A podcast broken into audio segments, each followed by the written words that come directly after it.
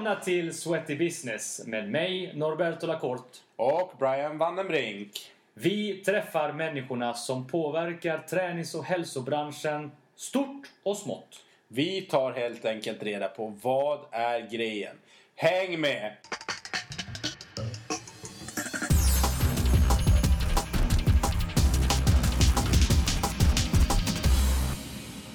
Bra, nu eh, semestrarna börjar närma sig sitt eh, slut. Eh, gym, eh, gymmen har sin guld, en av guldperioderna om året. Det är ju efter sommaren och efter julledigheterna.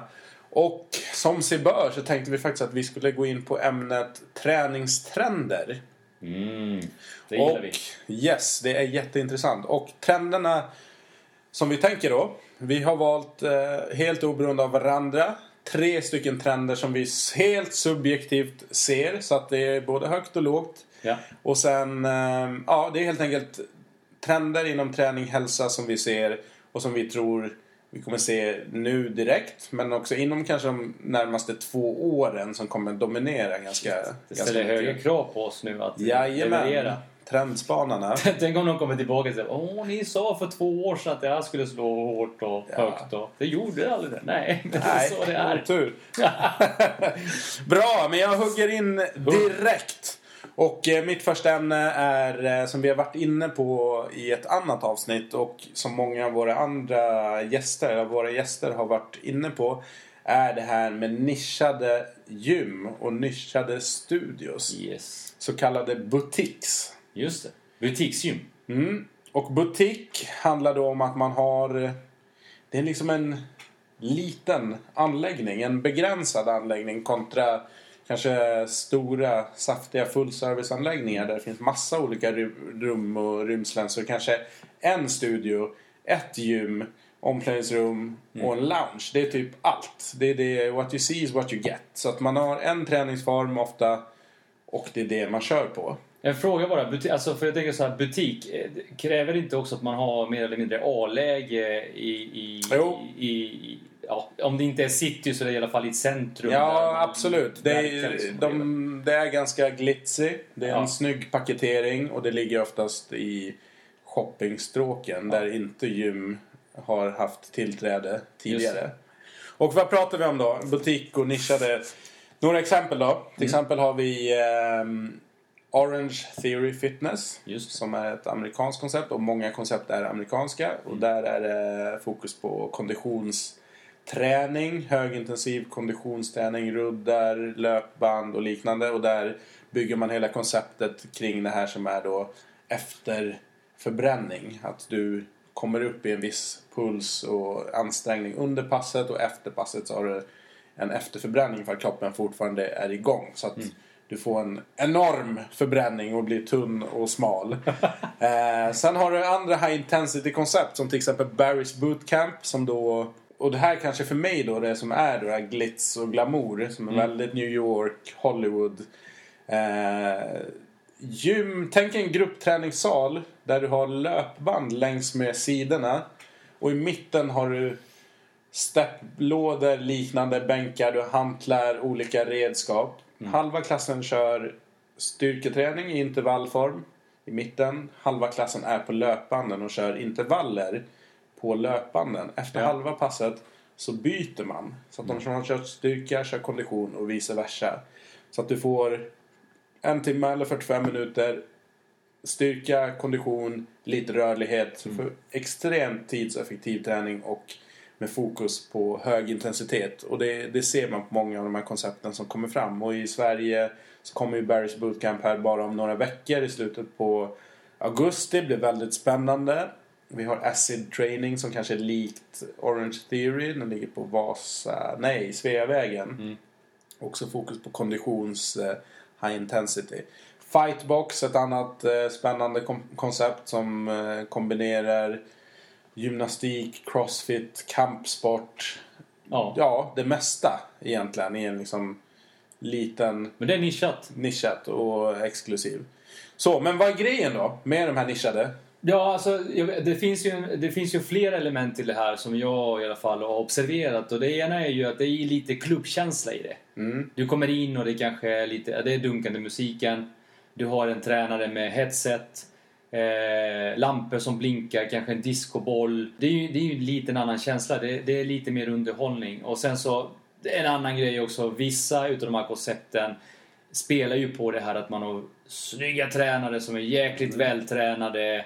Och, och ja, det, det är Är vi inte tillbaks på 80-talet? Jo, men lite faktiskt. Med det här idealet. Med, Ja, kanske. Det är väldigt deffade, snygga människor som är tränare och frontar många av de här koncepten. Ja, absolut. Eh, Det säljer ju. det säljer. Sex och utseende säljer. Ja.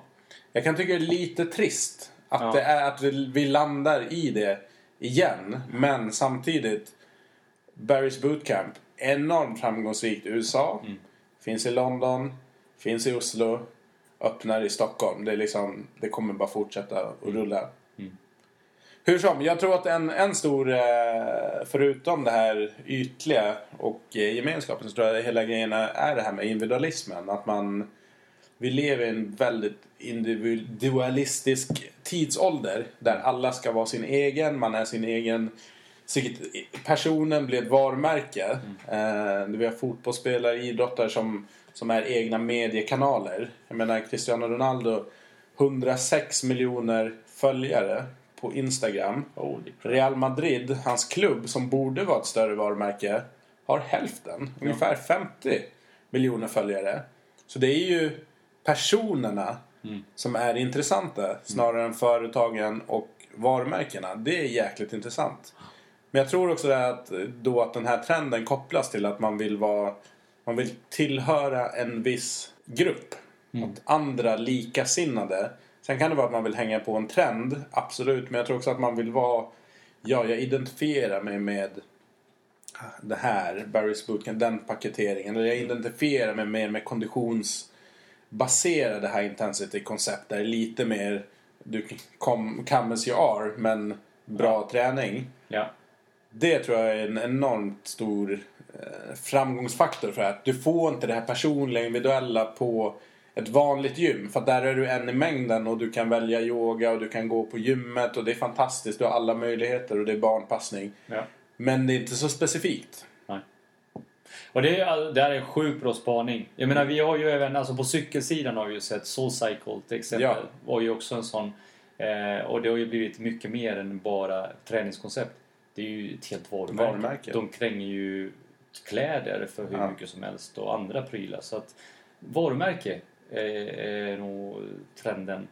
Varumärke är trenden. En annan grej som är intressant med de här koncepten om man synar affärsmodellen är att det är inte som på ett traditionellt gym generellt sett. Hur ser betalningsmodellen ut? Ja men det är ju autogiro, man binder upp kunderna på 12 månader Mm. eh, och så vidare. Det är det traditionella. Det är det ja. traditionella ja. Och här har du istället, du betalar per tillfälle. Just det. Och hör och häpna, ett tillfälle på, om du väljer till exempel Soulcycle i New York. Du kan skräddarsy det till vilken timma, vilken klass, vilken instruktör, vilken cykel. Vill du ha handduk? Vill du ha vatten? Vill du fan ha färskpressad juice direkt när du går därifrån?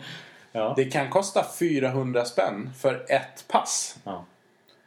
Det är jäkligt intressant med tanke på att väldigt många, när man, ja, vi jobbar ju i branschen, många är ju, man tycker inte det är värt det. Ja, det är dyrt att betala 600 kronor i månaden på Sats. Jävlar vad dyrt. Men helt ärligt, folk betalar 400 spänn. Någonstans mellan 200 till 400 kronor ligger ett sånt här pass på.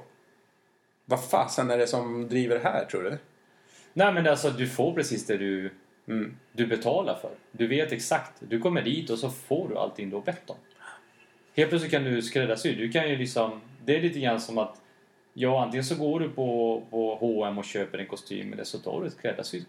Ja. Det, det, det är lite grann samma tankesätt kan jag tänka mig. Men skräddarsytt ändå för massorna för det är väldigt många som hakar på de här Det är många som koncepten. hakar på men det är ju ändå begränsat för det är ju inte så jäkla många som kommer att ha råd. Eller det är ju många som har råd men, men det är ju begränsat på det sättet att det är ju inte samma sak som Friskis och Svettis. Alltså det är inte Nej. samma, samma målgrupp. Och det är ju många av de här är ju innerstadskoncept. Ja. Eh, Så att det är ju en viss målgrupp som rör sig i innerstan. Exakt. De jobbar eller bor förmodligen i området och har inkomster därefter. Så absolut, det kommer vara... Det är en viss målgrupp. De är Men sjukt duktiga på marknadsföring Ja. också. Det är ju det som är grejen. coolt. Kolla in eh, Barrys Stockholm, deras Instagramkonto. Yes. Det är fantastiskt. Ja, de har lyckats. Hatten av. Ja, bra jobbat.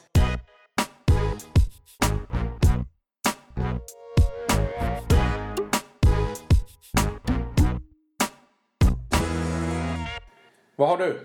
Jag, eh, jag tror stenhårt på att meditation kommer att bli en trend framöver. Och då menar jag inte eh, liksom att alla kommer börja meditera helt plötsligt. Utan jag, jag tror faktiskt folk kommer att pröjsa för att komma iväg till någon form av studio eller på något sätt för att komma iväg och bara meditera i en timme. Antingen i grupp eller individuellt. Wow, det här är ju jättespännande. Jag, jag Hur att- kom du fram till den här? Hur, hur resonerar du? Alltså, jag resonerar på den alltså tid. Tid är ju någonting som... Kan vi komma på någonting som köper människor tid så, så kommer de att ta det. Och en sån grej att stanna upp, reflektera, andas, vara här och nu, släppa mobilen, släppa allt annat. Folk tar sig inte tid till det. Nej. Men betalar de för det så har de helt plötsligt ett incitament. Och dessutom så tror jag att det kommer bli lite ballt, lite trendigt att jag mediterar. Det, för det har blivit så det, det har blivit mer och mer accepterat. Förr i tiden, jag menar fasiken på 90-talet, två- början på 2000-talet så var det så här. Jag mediterar, men shit vad flummigt, vad fan Ja. sitter du med benen i kors och bara Aum. Och hur gör man det liksom? Men meditation handlar om så, det är så brett. Du kan göra det på så många olika sätt. Så Ja. jag tror att, att någon kommer knäcka den här nöten och, och liksom börja ta pröjs för att folk kommer dit och mediterar på ett eller annat sätt. Nej, jag tror verkligen på, på den här. Men jag tror att det är, tid, det är tid. Man köper sig Ja. tid till att varva ner och ladda ja, batterier. och det är kanske enda sättet för många, eller en viss målgrupp, för att faktiskt komma ifrån att det blir så här. Jag är på den här meditationsgrejen Ja. den här helgen. Du kan inte nå mig. Ja, då vet folk det. Men Mm. om du bara är i sommarstugan så blir det Ah, men han är ju där så slå en pling. Han kanske svarar ändå, eller hon. Ja. Ja, super. Och, Jag- och, och sen, sen så så här, ja, det är lite grann som att göra en, en beteende, alltså ändra beteenden och så vidare. Det här med att, ja men, allt från att sluta röka till att jag har ångest, jag måste bli av med min ångest. Eller jag är deprimerad, jag måste göra någonting åt det. Så går man till en psykolog. Jag tror att det är lite grann samma sak här. Man behöver någon som guidar en för att liksom varva ner och ladda batterierna. För att det, vi börjar förlora den förmågan själva. Jag är helt med dig på den. Och eh, jag hade besök på jobbet. Mm. Jag jobbar ju på Technym, träningsutrustningsleverantör. Hade besök från Japan och där eh, var det en träningskedja som var här och spanade runt vad som händer i Stockholm. Stockholm är extremt dynamiskt. Vi är snabba på trender så att mycket som händer i USA händer väldigt snabbt här borta. Kanske till och med snabbare än vad det hände i London och liknande. Men eh, de eh, spanade och såg de här high intensity koncepten.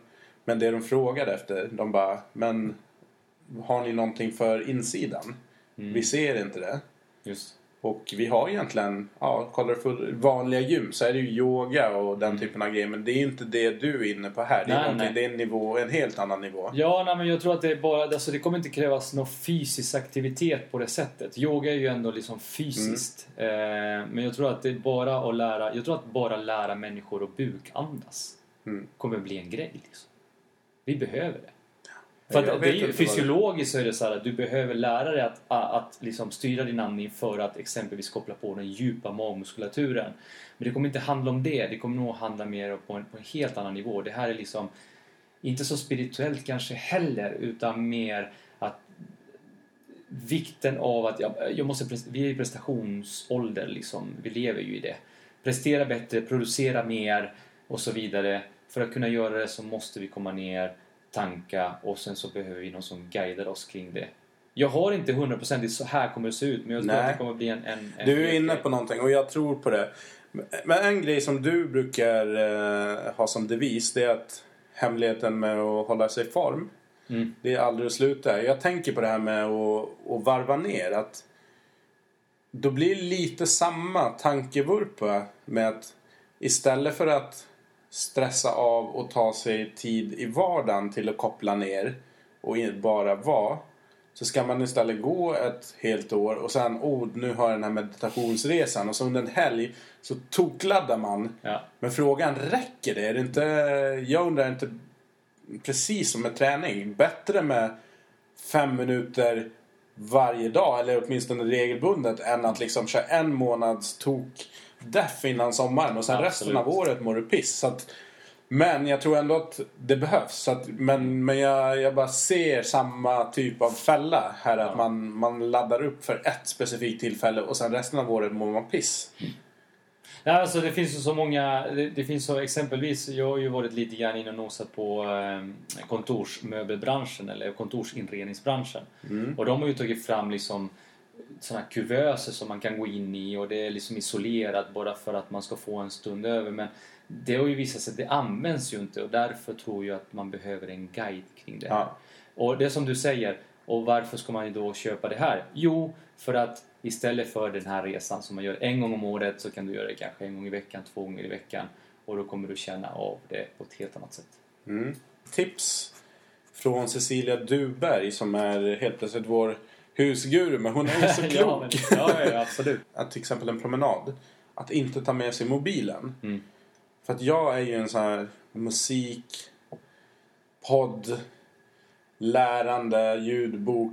Junkie. Maximera tiden. Att åker jag bil till dagis och lämnar av Ellie och åker till jobbet.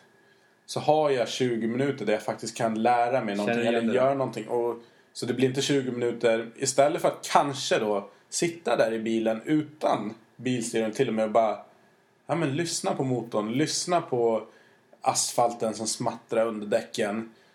Och jag gjorde det faktiskt i helgen när jag var, hade mancold och inte kunde träna. Så, men, men var tvungen att röra på mig. Ja. För att, ja, man kan inte bara ligga i soffan. Jag kan inte det. Så att jag tog en promenad, eh, moget nog. Men då, eh, jag tog med mig mobilen.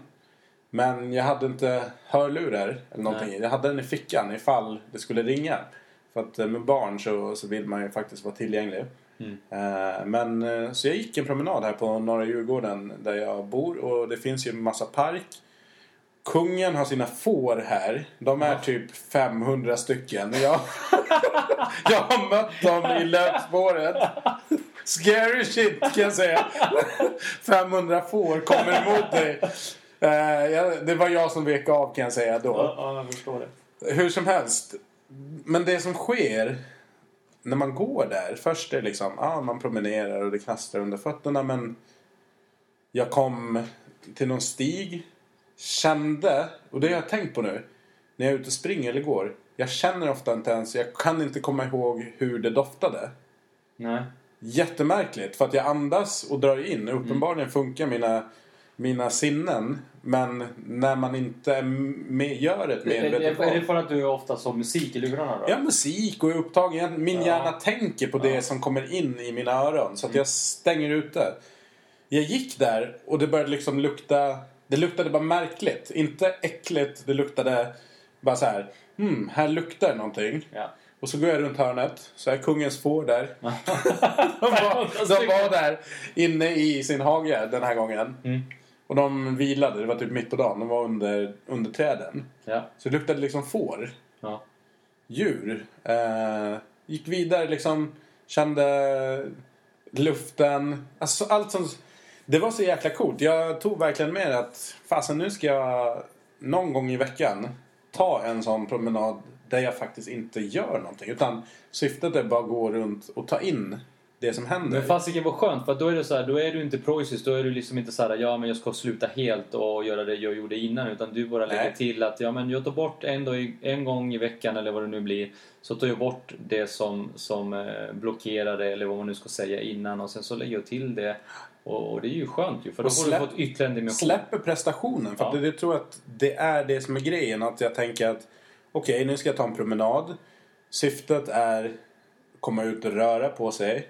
Mm. Men jag kan ju lyssna på en ljudbok samtidigt. Eller jag kan lyssna på den där nya låten som jag inte har haft tid att lyssna på. Och det är inte fel att göra det, men kanske inte varje gång. För att det ligger ändå en prestation i det. Att, ah, nu kan jag lyssna på det där, nu kan jag göra det där som jag inte har hunnit. Man bara lägger till så här stressgrejer. Så bara, ah, men varför måste jag lyssna på den just under promenaden?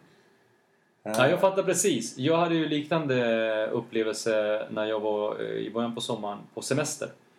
Eh, på Vancouver Island och vi var mitt ute i, alltså in the middle of nowhere. Alltså det var verkligen... Vi, och vi sov du i en, i en husbil. Och det var, jag hörde vågorna. Så sjukt tydligt. Så Ja. första natten var ju helt omöjligt Jag sov-. Det var helt omöjligt. Eh, men andra natten så är det så här.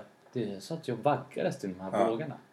Och jag hade liksom, jag hade ingen mobil. Jag hade mobilen med mig för att ta bilder. Men jag hade ingen täckning, jag hade liksom ingen internet, ingenting. Så jag kunde inte göra någonting med mobilen. Eh, så den använde jag inte. Så att, eh, Nej, man blir jäkligt närvarande Ja. i... Och man blir väl medveten om sin plats i det andra. Ehm, och det är intressant det, att man nästan måste lära sig igen på nytt när man hamnar i de situationerna. Man måste lära sig att ta in det som man egentligen är gjord för att ta in. Rent naturligt så är vi, vi har ju, kom, vi har ju bott i skogen. Sen har vi börjat byggt vägar och hus och grejer. Men vårt naturliga tillstånd är ju att vara ett med naturen egentligen. Men vår, vår värld som vi är i nu, här i västvärlden, så är det ju absolut inte det. Så att det blir ju jättekonstigt för oss att hamna i det. Vågorna, liksom, det är ju världens mest... Jag tycker det är vatten generellt. Regn mot fönsterblecket eller vågor. Det är liksom rogivande. ja.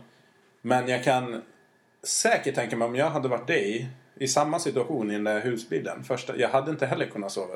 För att det hade varit... Det här lugna hade nästan varit som en orkan. Ja. ja, men det är ovana. Och det är så här, åh vad händer härnäst och hur nära är vattnet? Ja, coolt!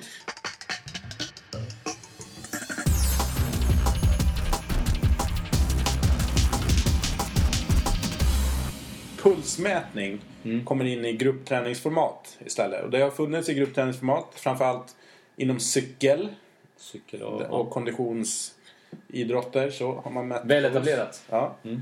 Och nu kommer puls in i gruppträningsformat och många format som faktiskt kommer vara i gymmen. Så man kör gruppträningspasser, pass ute i gymmet. Mm. Små grupper, återigen mycket kring high intensity. Men man har pulsen som ett sätt, ett verktyg för att styra intensiteten i passet och ett sätt för tränaren att coacha och även för deltagarna att kunna se vart de ligger nu, vad det nu är värt. För jag har också testat nu och haft pulsmätare på mig i alla möjliga sammanhang. Ja.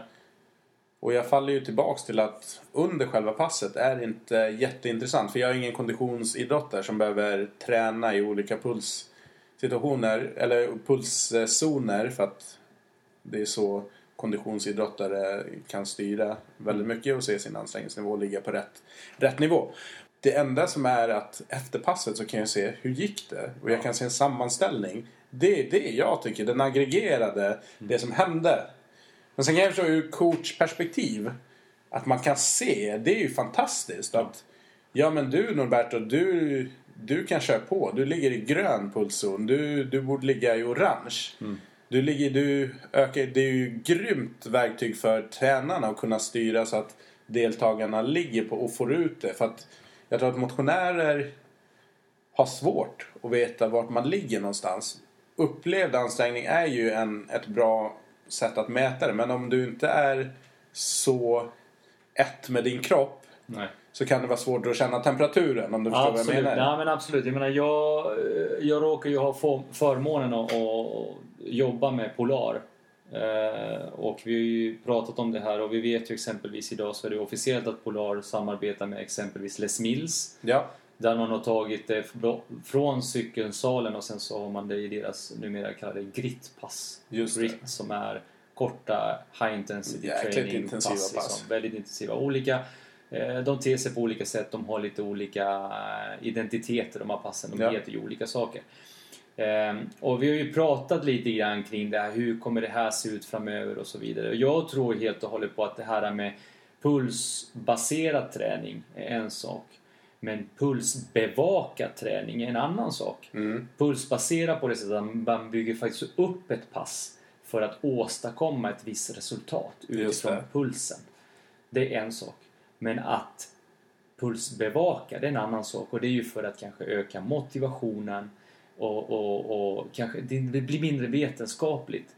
Där de här företagen som då i samarbete med Polar eller andra, det finns ju massa andra bolag som håller på med Ja, RT Garmin och Myzone. Absolut. Ehm, deras uppgift blir mer kanske att leverera en, en pålitlig lösning. Både vad det gäller hårdvara, mjukvara men också att det visuella blir jäkligt attraktivt. Just det. Så att du som tränare istället för att prata så mycket om vad som är mjölksyretröskel eller vad som är VO2 max träning, hur du ska ligga där, konditionsstyrka och liksom allt man pratar om lite mer vetenskapligt med endurance Ja. konditionsatleter. Att eh, med vanliga motionärer så är det mest bara men kom igen nu, nu ligger du där, du ska ligga här liksom, upp med intensiteten. Eh, Så motionären är mer då den här pulsbevaknings... Ja, det tror jag. Mer en morot och att man använder kanske då i det här fallet om man nu råkar ha en klocka eller ett aktivitetsband och så vidare att ja, det blir det här klassiska fortfarande att du har inte nått upp till din aktivitetsnivå som du har förinställt utan du nu har du 5% kvar, klockan är 10 på kvällen. Shit, du tar en extra promenad för att nå de här 100%. Eller nu har du inte rört på den på en timme. Nu, klockan eller bandet påminner dig, upp och rör på dig liksom. Ja men exakt och det är kanske där den stora massan, eller det är där den stora massan är. Det är ju ändå motionären. Sen den som kanske är pulsmätning, det är ju mer avancerade, kanske elitmotionärer och idrottare skulle jag inbilla mig. Men jag, själv- tror, jag tror absolut att motionärer kommer att lära sig mer om pulsträning. Absolut. Mm. Absolut. Så du är helt inne på rätt spår. Det kommer att komma mer och mer. Till och med Crossfit har, ju, har det gjorts eh, försök på. Mm. Så att eh, definitivt. Jag tror på den här motivationshöjande faktorn. Mm. Att, ehm, för det där är ju också en fråga. Ja, du samlar massa data, men vad ska du med den till Mm. egentligen? Men faktum är att det driver ju, och det tycker jag är ett syfte gott så att det räcker egentligen. Att det driver beteende. Att du, till exempel på jobbet så har vi en kalorikamp och inte att liksom gå ner mest vikt utan man ska samla kalorier. Mm. Eh, Och den som har, som, har förbränt mest kalorier helt enkelt vinner den här tävlingen. Och vi har då ett system, My Wellness Cloud, som samlar in den här datan som kan komma till exempel från ett Polar pulsband eller från om man är inloggad på ett löpband och den, den informationen skickas då till mig så kan man se Ja. sammanställning.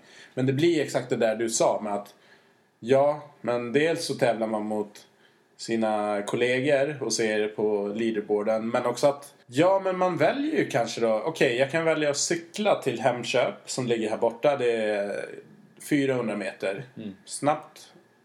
Eller så kan jag gå. Ja.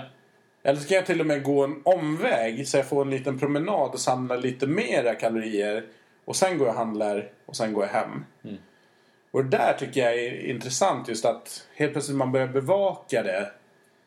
Så föds det andra Man blir mer medveten om att en viss aktivitet ger mer bang for the buck. Ja. Och att man då kanske väljer en aktivitet som gör att man rör på sig lite mer. Som förbränner eller som kräver mer energi av kroppen. Och på Ja. så sätt förbränner. Så att det, Och, och det enda sättet för dig att beräkna hur mycket du faktiskt bränner, alltså du som individ, det är ju att veta vad du har för maxpuls.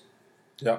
Eh, så att, att du vet dina egna parametrar utifrån hjärtslagen. Det, är ju, det, är ju, det är ju det som är essentiellt för att få rätt värde. Så att det inte bara blir ett, vad ska man säga, allmänt värde som, som har tagits fram av en formel eller så, och så vidare. Så att, eh, ja. Men jag tror för att- motionärerna så är det nog mycket den där allmänna formelgrejen Ja, men det tror jag den som kommer kommer, gälla. Men jag, jag kan absolut, jag håller med om att det, det bästa är om man får eh, det exakta. Mm. Men samtidigt, jag tycker det viktigaste är att man har något att utgå ifrån. Eh, som man kan jobba Ja. med, liksom att förhålla sig till. Det viktigaste är då att man kanske mäter på samma sätt. Men skitsamma. Pulsträning in i, in i gruppträningsformat och säkert kommer vi se puls inom en massa områden. Vi följer med spänning. Absolut. Yes, vad har du för... eh, Det är din andra spaning. va? Precis. Ehm, Min andra spaning är ju någonting som redan sker idag och som jag tror kommer att bli eh, större och större. Och det är ju det här med individualisering, progra- eh, individualiserad programmering. Alltså individer som får en så kallad programmering. Och programmering är ju ett ord som används väldigt mycket inom Crossfit. Som är egentligen ett träningsupplägg. Eh, som... Eh, för att gre- grejen är så att om vi tar Crossfit som har vuxit exponentiellt mer eller mindre under de här åren. Som har planat ut, eh, framförallt i västvärlden just nu. Fortsätter att växa i andra delar utav världen. Men det bygger ju ändå på gruppträning. Du Mm. går ju på ett pass. Du vet att passen är max så här många personer. Du har alltid en tränare med dig. Du vet att det är ständigt varierande. Jada, jada, jada. Alla de här parametrarna finns med. Men vad händer då när du har gått i ett, ett och ett halvt, två år på de här passen och du vill någonting mer? Jo, då, då anlitar du en personlig tränare eller så eh, kompisar eller så försöker du att gå in på nätet och sen så ser du ja men de här har en programmering som jag kan följa eller den här atleten som är med i Games då, som är världsmästerskapen i Crossfit har använt den här programmeringen så ger man sig på det och det blir ju oftast inte så bra. Nej. Men, men, men, men, men grejen är att det finns ju exempelvis OPEX som är en organisation i USA som jobbar tight med Crossfit. Eh, De har ju utbildningar, atleter, personliga tränare som tar det till nästa nivå. Och de, då kommer vi utsökt in på det här med digitalisering. Att faktiskt en PT äger sin kund 24-7. Alltså det handlar om att du programmerar till och med in när de ska vila. Det är så här, du, har en, du har en träningsupplägg som är sju dagar i veckan, 365 dagar om året. Och det är du som personlig tränare som står för den kundens, så att säga, Men vem är det här? Är det motionären eller är det de som tävlar i crossfit? Nej, Det jag- låter ju nej, men jag- extremt. Nej, men jag tror absolut att motionärer kommer också vilja göra det på grund av att digitaliseringen den gör det möjligt att till exempel ta med dig din PT på semestern. Inte så som du innan, att du fick med dig, med dig en pdf. Kör det här upplägget så blir det bra på semester. Liksom. Utan här är det så här, det är i din kalender, det är i mobilen. Du, du går in och checkar in. Jag har gjort det här. Det här resultatet har jag gjort. Idag har jag vilat och i vilan så är det en aktiv vila. Jag gick en promenad på en och en halv timme eller vad det nu än är. Och det räknas också. Så din PT har faktiskt ständig koll på allt du gör. Ehm, det tror jag definitivt bra. Mer, mer individualisering. Du var ju inne på det här med att vi lever i, i den här individualismens era nu. Liksom. Eh, och jag tror att eh, inte minst kommer det att synas på men ehm, Ja, det är grymt spännande. Det låter ju... Och varför jag hajade till på det för att det låter... Det kanske låter mer avancerat än vad det är. Jag tror absolut att det går åt det här hållet. PTn kommer ha helt annan överblick. Definitivt med de digitala. Mm. Och det finns verktyg idag också. Det kommer komma ännu bättre sätt. Men det, det, är, det är ju intressant att se hur motionärerna allt mer efterliknar eliten. Alltså de som tävlar på yppersta nivå. Det kan, för mig kan det bli lite så här. Ja men fasen du är ju 40 bast. Som du sa i ett annat avsnitt att många idrottare är ju slut vid 30-35. Då elitkarriären är kort och intensiv. Ja. Och sen efter det, kroppen pallar inte hur mycket som helst. Så har du de här elitmotionärerna och vanliga motionärer som tränar och köper, konsumerar på saker och prylar på en nivå som eliten. Och man börjar kanske när man är 35 Ja. och hittar in i crossfiten. För du kan vara elit inom din egen division i din ålderskategori. Ja. Det är ju också en sån grej. Sen om det är en trend eller inte, det vet jag inte. Men det är ju, det är ju typiskt exempelvis för, för Crossfit som vi har varit väldigt i- insyltade i de senaste åren. Ehm, men du kan vara elit när du är 65. För det finns en kategori för Ja. 65-åringar. Det finns ett världsmästerskap för dem. Så att, eh, och de eh, uppschasas ganska mycket. De lyfts upp ganska mycket. Shit vad coolt, du började träna när du var 55 och nu när du är 60 så har du vunnit världsmästerskapen i Crossfit. Bara yay! Just det. Men, men, men det här kommer att krävas, för att det jag kommer in på, det kommer krävas av gymägarna att släppa makten och kontrollen över att allting ska ske inom fyra väggar. Eh, just det här att det inte bara kommer ske fysiska möten med personlig tränare utan personlig tränare. Och det kommer leda till andra affärsmodeller. Till exempel att du kan prenumerera Ja. på träning. digitalt skräddarsytt för just dig. Det kommer fortsätta öka. Det finns ju redan idag. Men det kommer, jag tror att det kommer fortsätta öka.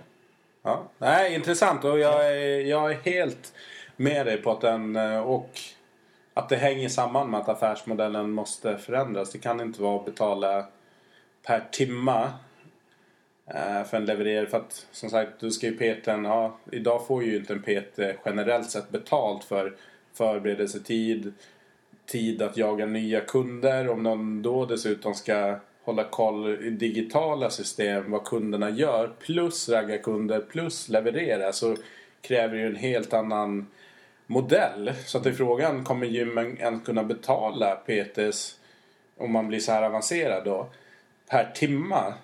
Som det är idag, att levererar du en timma så Nej, får du det är betalt en timma. Utan att då måste du nästan ha anställda PTs eller en helt annan modell. Att ja, men du har 35 papp i månaden och du ska leverera 40 timmar både fysiska och du ska sköta det digitala Mm. liksom inom ramen för det. Men super, super intressant. Mm. Och då står se hur det blir. Men jag, eh, jag tror stenhårt på det.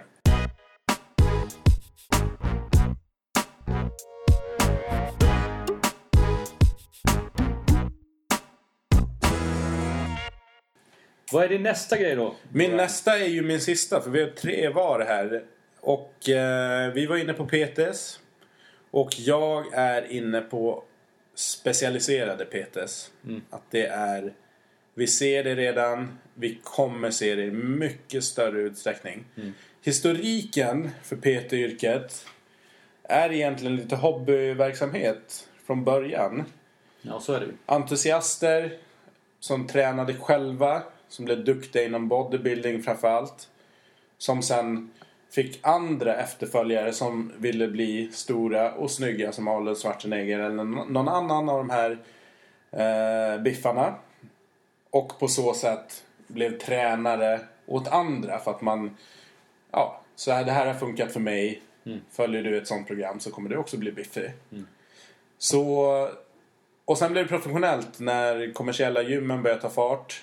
Slutet på 80-talet, 90-talet, 00-talet såg vi en enorm utveckling och PT-försäljningen ökar, efterfrågan ökar. Och sen har det blivit ett yrke. Ja. måste utbildas till det även om det fortfarande är en gråzon att det finns faktiskt en hel del som utger sig för att vara personliga tränare som Shady business. verkligen inte har utbildning eller kompetens för det eller har gått alldeles för begränsad utbildning för att kunna hålla på med det. Men det är en annan diskussion. Hur som helst så tror jag att eller så var det ju så att de, när gymkedjorna växte fram så blev man PT så var man ju en klassisk gym-PT. Det var framförallt baserat på styrketräning och på den tiden maskiner. Maskinträning och sen nu har det blivit mer funktionellt och fritt. Eh, Fokus hypotrofi, Ja. alltså muskeltillväxt oftast. Exakt. Och, Så att du- Eller att gå ner i vikt. Liksom. Och man tränade visst, absolut, i utgångspunkt i vad kunden hade för eventuell sport eller mål. Definitivt.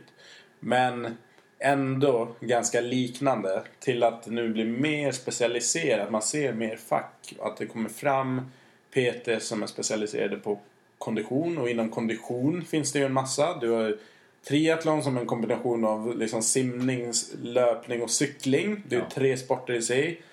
Du har då löp, löpning som en helt egen. Ja, vi kan hålla på hur länge som helst. Och sen har du fystränare för specifika sporter. Jag tror att det, det dels är det inte otrovärdigt att en PT kan träna vilka, alla typer utav människor och alla typer av sporter. Det är helt omöjligt. Absolut en duktig PT kan definitivt förstå. Men jag tror att just den här individualismen också gör att man vill gå till den PTn som är bäst på det. Visst, jag har två PTs här. Båda kommer säkert göra bra resultat. Men den ena är faktiskt expert på triathlon. Så jag väljer faktiskt den för att jag vill bli bra på triathlon. Ja. Så det tror jag är eh, ett steg i den här riktningen. Golf var ju jäkligt tidiga med att, att jag kommer ihåg liksom Ja, Sats eh, tidigt hade så här, ja men bli bra på golf när golfen var ändå fortfarande Mm. stor. Så var det så här, bli bättre inför golfsäsongen och sen så vet jag att eh, när jag jobbade där så fanns det ju särskilda utbildningar för att bli en bra golf-PT liksom. Ja. Och sen, då- och sen har det inte hänt någonting. Sen har det inte i hänt någonting. liksom. Och jag eh, återkommer ju till Sats, men det är en stor del av mitt yrkesliv ändå. Men Kent Orgren som var VD på Sats Mm. och som vi hoppas kunna få med här i podden vad det lider. Han är ju busy i Rumänien men eh, vi, vi haffar honom. Ja, han är ju VD för World Class i, World Class i Rumänien. Mm. Men han var med och byggde, kan man säga faktiskt, Sats. Det som vi känner till som Sats idag, Sats Elixia numera. Så under den största expansionsvågen så var han ju ansvarig här i, i Sverige och en stor profil. Men jag kommer ihåg när jag satt där och var med i ledningsgruppen på Sats så eh, diskuterade vi trender. Det här var slutet på 00-talet, så att 08-09. Ja. Då pratade vi om PT-yrket och jag kommer ihåg att Kent pratade om att han trodde att det skulle komma nischade, PT-erna skulle bli nischade. Golfen fanns där. Men han trodde, han bara, "Ja, men man kommer vilja ha en yoga-PT, man kommer vilja ha en löp-PT.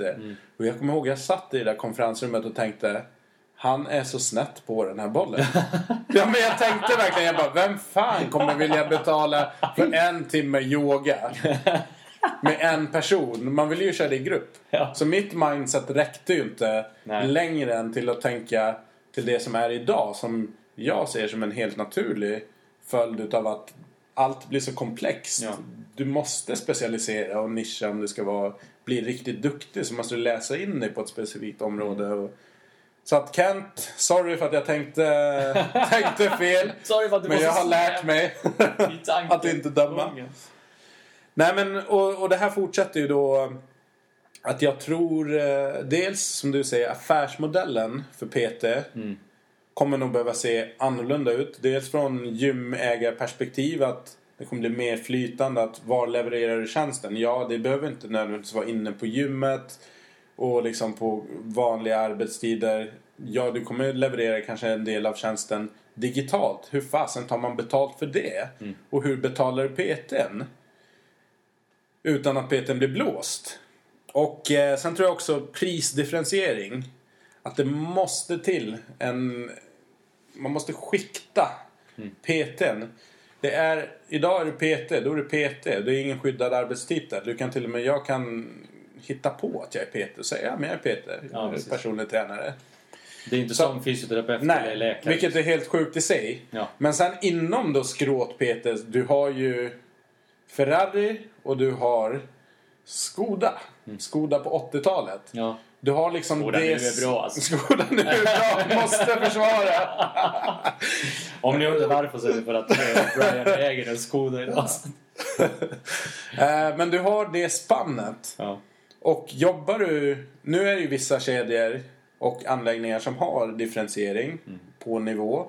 Och det är baserat på lite utbildningserfarenhet och, och mm, ja, hur mycket du har jobbat som PT. Men vi har bara börjat nysta i det.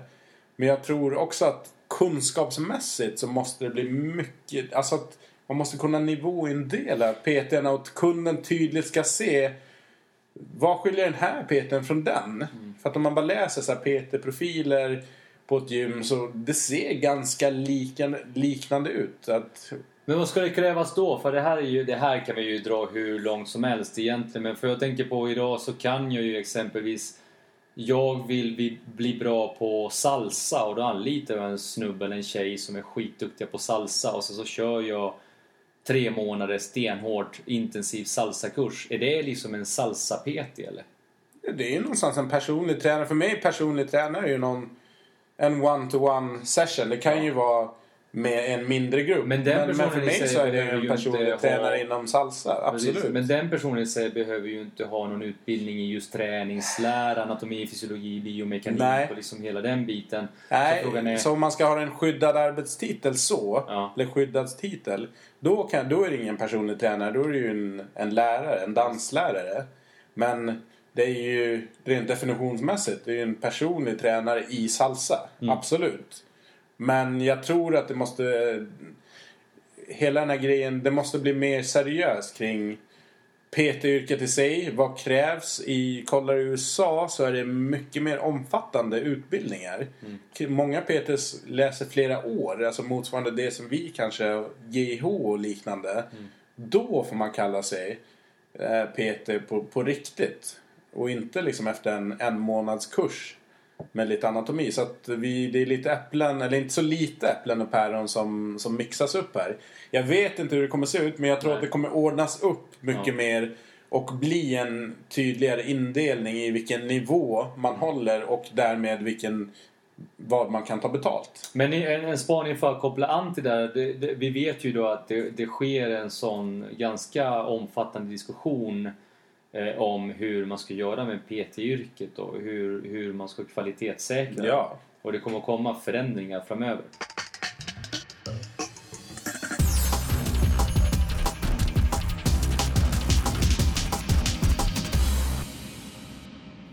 Bra, det var min sista. Vad har du för smällkaramell? Smällkaramellen. Nej, men jag, jag har ju noterat, jag följer ju en hel del olika personer i sociala medier, Youtube bland annat framförallt, tycker jag är kul. Eh, och det vi har sett eh, historiskt sett genom åren, det är ju, vi är fortfarande inne på det här ämnet personliga tränare. Eh, vi har ju sett att personliga tränare anlitas i mycket större omfattning exempelvis under korta perioder eh, eller kanske lite längre perioder för att förbereda exempelvis en skådespelare inför en roll eller en artist som ska ut på turné eh, som, som behöver en personlig tränare. Jag vet Ja, det har man ju sett. Ja, jag har sett Rick Ross som är en hiphopartist. Eh, Jag Mm. vet inte om alla känner till honom, men ganska stor. Ja, Eh, dubbel jäv- bemärkelse. Jäkligt, alltså, jäkligt bra musik tycker jag, mycket han har gjort. Men han anlitade exempelvis, eh, vet jag, en profil i USA eh, heltid. Som var hans typ... What? Alltså, PT? ja, han, Dygnet han, runt? PT dygnet runt. Fick bo hos honom och anlitade honom och, och, eh, och fanns ju där eh, för alltid. Och, och, Vad kostar det? Ja, det är ingen aning om, men det är dyrt. Det är satans dyrt. Eh, precis. Men å andra sidan så är det så här. Det som verkar ske nu det är att det är företagsledare och entreprenörer som helt plötsligt har råd att anlita en CEO of Health. Mhm. Eller Health CEO eller vad man ska kalla det. En person som helt enkelt håller koll på att de tränar, äter bra, sover som de ska, går upp på morgonen och gör sina eh, träningspass eh, och håller koll på dem helt enkelt. Och är anlitade för att vara de pain in the ass som de ska vara eh, för att se till att de här människorna håller sig i trim. Wow, det är, det är mycket som dyker upp i skallen här. ja. Ett, så tycker jag är ganska häftigt. Men en, en spaning som jag har här då kring elitmotionärer. Att, att man efterliknar idrottare. Men eh, att, ja men just eliten inom sin grej, alltså företagsledare och liknande. Att det är nog ganska likt att vara en toppidrottare fastän du inte har en fysisk prestation. Nej. Utan du ska leverera med din hjärna. Men för att din hjärna ska funka så måste du ha en kropp som funkar och ett sinne också. För det är inte bara fysiskt, det är ett sinne som ska funka. Så på så sätt, it makes sense att man faktiskt laddar precis som en idrottare. Preppar upp kroppen fastän det är en mental prestation kanske mer än, än fysiskt. Det är fysiskt också men du är inte lika beroende av en superatletisk kropp. Eh, samtidigt som det blir...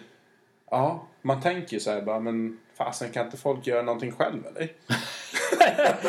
Nej men det, alltså, jag, jag tror att å, återigen så tror jag att det är... De köper sig tid. Ja. De klämmer in det, de har betalat för det, de är tvungna. Köper sig tid. Det är avgörande för att tänk dig själv, en företagsledare kommer alltid prioritera jobbet för allt annat. Jag menar, de prioriterar jobbet, de, de, inte alla, men många prioriterar ju jobb framför familj och framför relationer med vänner och allt möjligt. De, de har vikt ett liv åt att bygga upp ett företag. Ja. Eh, Ett företag, flera varumärken, ett varumärke, vad det än må vara. Om du är entreprenör så andas, bajsar, sover, äter du företagande. Det är lite det som, som är devisen på något sätt. Och någonstans där så är det ju Ska du kunna prestera så under en längre tid och åstadkomma de målsättningar som du har satt upp för dig själv så kräver det att du håller dig i fysiskt bra form. Det som de däremot slipper det är ju de här stora prestationerna, de här sekunderna, de här minuterna som är tävlingsmomenten. Och, och Ja, det det är väl det enda. Annars så ska de ju hålla sig på en, på en jäkligt hög, hög nivå rent fysiskt. Liksom. Ja, fast jag undrar om de inte har de där tävlingsmomenten. Det kan ju vara Ja, det affärer, de ha. Ja, jo, jo. uppköp, det ska Ja. göras. Jag tror att ja, jag tror det finns mycket, mycket att hämta. Jag tänker ur PT och klientperspektiv där att det är ett jäkla commitment. Det, det är ju inte bara en tjänst som ska levereras. Här är det ju faktiskt personligheter, två personligheter som ska funka tillsammans. Ja. För ska du jobba med någon under lång tid och jobba så intensivt och kanske helt dedikerat till en kund Ja. så måste ju klicka. Man måste ju funka jäkligt bra. Och sen tänker jag att som PT pallar man att köra en kund och foka på den, blir man inte jävligt less? Jo, men jag tror att fasiken, det som jag har hört exempelvis, det, Rick Ross körde ju Fischer, en, det är ju en crossfit-atlet i, tror jag, ett år. Mm. Sen vet jag inte vad som händer nu och jag vet inte vilka resultat han har fått. Men eh, det är ju på artistsidan. På artistsidan, skådespelarsidan, alltså eh, USA så har man gjort det. Det här är ju ingenting nytt. Det som är spaningen i det här, det är att faktiskt företagsledare börjar göra på samma sätt. För det har ju vi ju hört hur mycket som helst om att ja, men Jennifer Lopez kör sin turné och har med sig sin personliga tränare. Eh, så det är ingenting nytt. Men det att företagsledare gör det är ju lite nytt grepp och kanske någonting som vi inte har hört så mycket om. Att de faktiskt inte bara går till en personlig tränare och betalar per timme utan de har faktiskt en personlig tränare som de har heltidsanställd i sitt bolag för att träna bara dem. Liksom. Men hade du, på- hade du pallat det? Eh, nej, personligen hade jag ju nog inte gjort det. Jag, är ju för, jag ska inte säga aldrig, aldrig ska säga aldrig. Rick Ross mycket- kommer och säger att ja men här Norberto du Jag hade nog testat. En 500 000 i månaden. Du är tillgänglig dygnet runt. Jag reser 25 dagar i månaden. Så att du får vara beredd på att åka med. Hade jag varit en... eh, Ja, hade jag varit i 20-årsåldern så hade det varit en annan sak. Men eh, det är ju annorlunda beroende på var man befinner sig i livet. Mm. Och sen så helt klart vad de, vad de kräver för typ av person. Så att eh, jag tror att det finns absolut de som pallar längre tid eller kortare tid. Men eh, begränsat till en viss period Ja. tror jag funkar för de flesta. För då går man in i ett mind, alltså man går in med det mindsetet att ja men det här är under den här perioden. Ja. Jag tjänar så här mycket pengar. Jag gör det här och så får vi se vad det tar, vad det tar vägen. Mm. Plus att det blir ju, alltså tänk dig själv personlig tränare. Hej, jag var personlig tränare åt, eh, ja inte fasiken vet jag, Elon Musk Ja. eh, i ett år. Ganska tungt att ha med sig CV liksom. Så att, eh, Kan nog lära sig ett och annat på vägen också. ja men absolut. Nej, men jag tror, ja. Som ett projekt, begränsad tid, kanske ett år eller Ja. liknande. Jag har väldigt svårt att se att jag själv hade pallat ge sig så åt någon annan och följa dens schema och resande och hitta och upp, ups and downs fullt. Men som sagt, hade man varit lite yngre så hade det nog inte varit några problem överhuvudtaget. Nej. Men jag tror att spaningen håller, absolut. Det är, och det är faktum, så det är inte någonting som jag behöver fastslå så. Men jag blir... Vi följer med spänning och Absolut. det vore intressant faktiskt. Eh, Vi får efterlysa någon PT som har den här erfarenheten. Just Har det. hängt med det någon person. coolt, alltså. Någon person, band eller liknande under en tid, alltså Ja. typ ett år. Och bara jobbat med den personen eller några få Ja, personer. det vore häftigt. Snälla, ge tips Japp. till oss så ska vi kontakta den personen så får vi gräva vidare här. För det här är superintressant. Mm.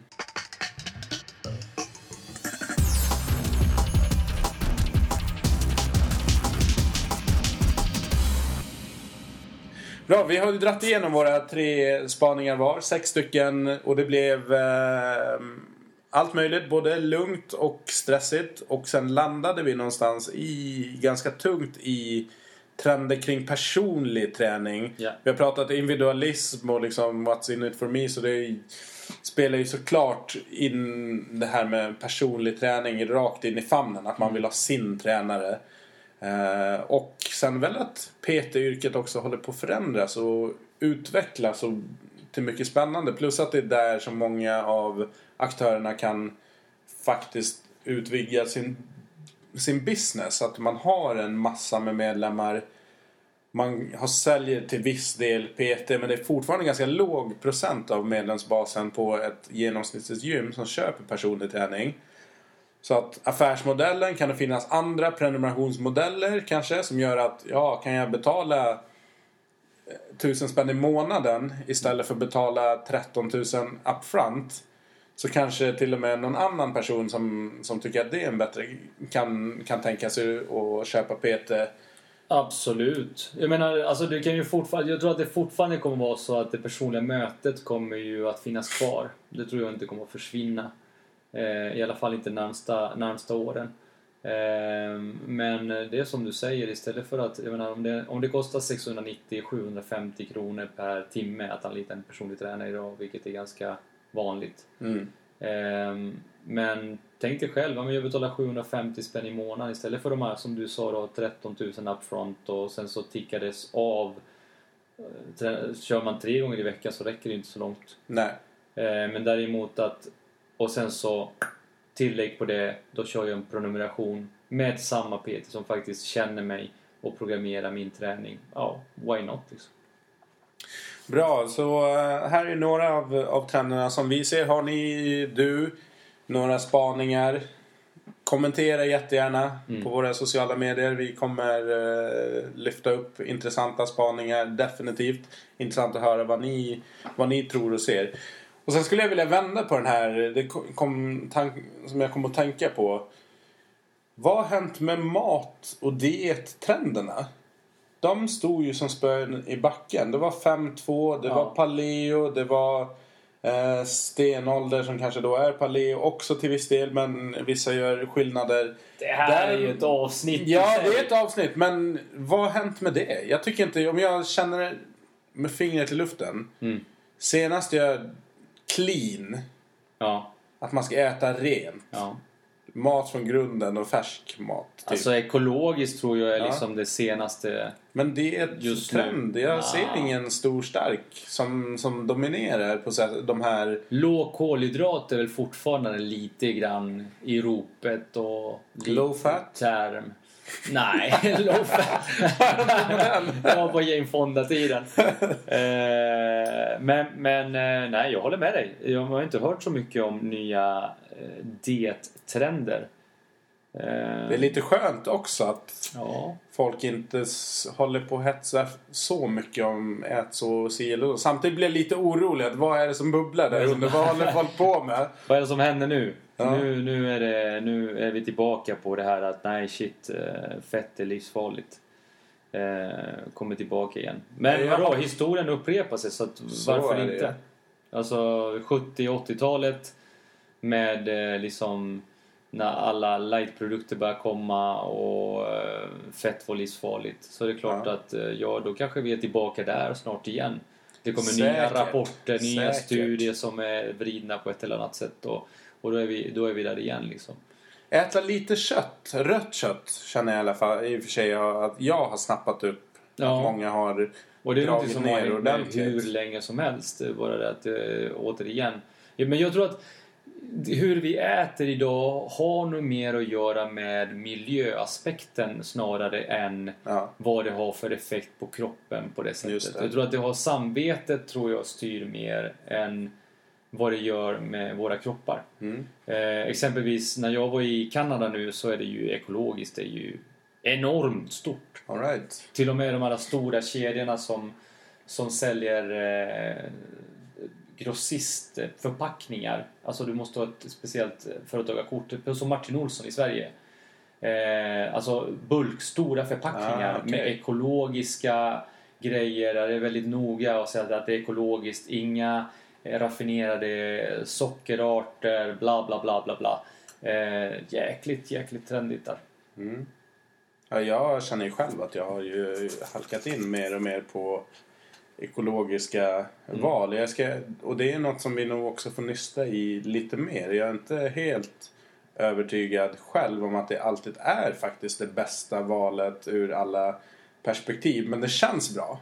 Känns bra. Det är ju samvetet. Det är ju det Ja. vi, vi har blivit intalade att det, det är så. Jag menar, men sen så finns ju andra aspekter. Det är klart att ska alla äta eh, nötkött och, och, och, och fläsk i de mängderna som vi gör så är det klart att det påverkar miljön på ett Nej, negativt men sätt. alltså helt ärligt. Om Kina och Indien skulle äta de mängderna eh, nöt och fläsk som vi gör, då hade det inte funnits några kor kvar. Å andra sidan så är det lika illa kanske, inte riktigt, men, men eh, avokadokonsumtionen i Sverige som bara har skjutit i höjden och vad det gör med miljön. Det är ju också sådär, ja men ifrågasätta det liksom. Mm.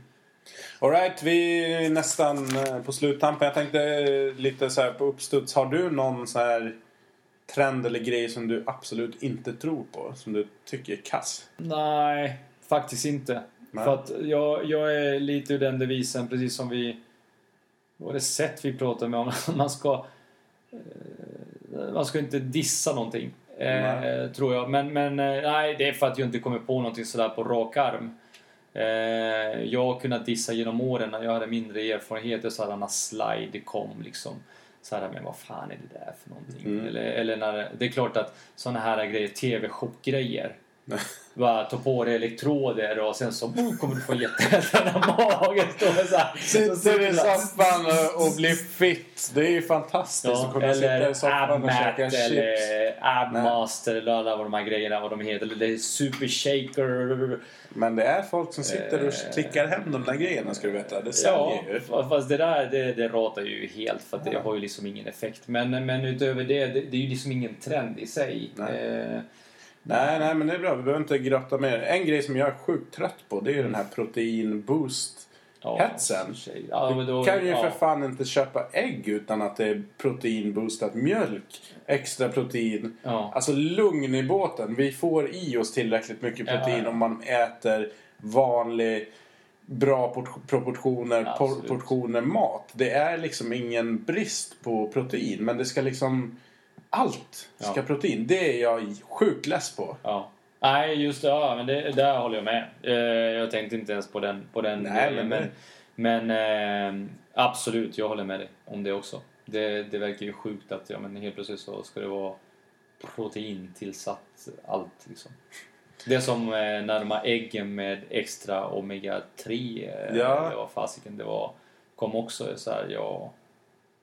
Bra eller dåligt, jag vet inte vad det innebär att stoppa i mer. inte. Ägg är ju jäkligt intressant i sig. En liten bigrej liksom att man gick till affären när vi var små. Ja. Man köpte ägg. Ja. Punkt slut. De kunde vara bruna eller vita. Ja. Men jäklar, går du in i fel affär inom situationstecken. Du kan ha typ 30 olika ägg. Det är frigående i bur, frigående utomhus, det är Mm. omega-3.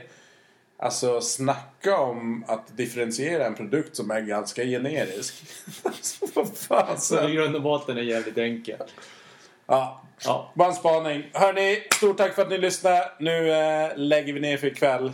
Tack För ska ni ha! Tack, ciao! Hej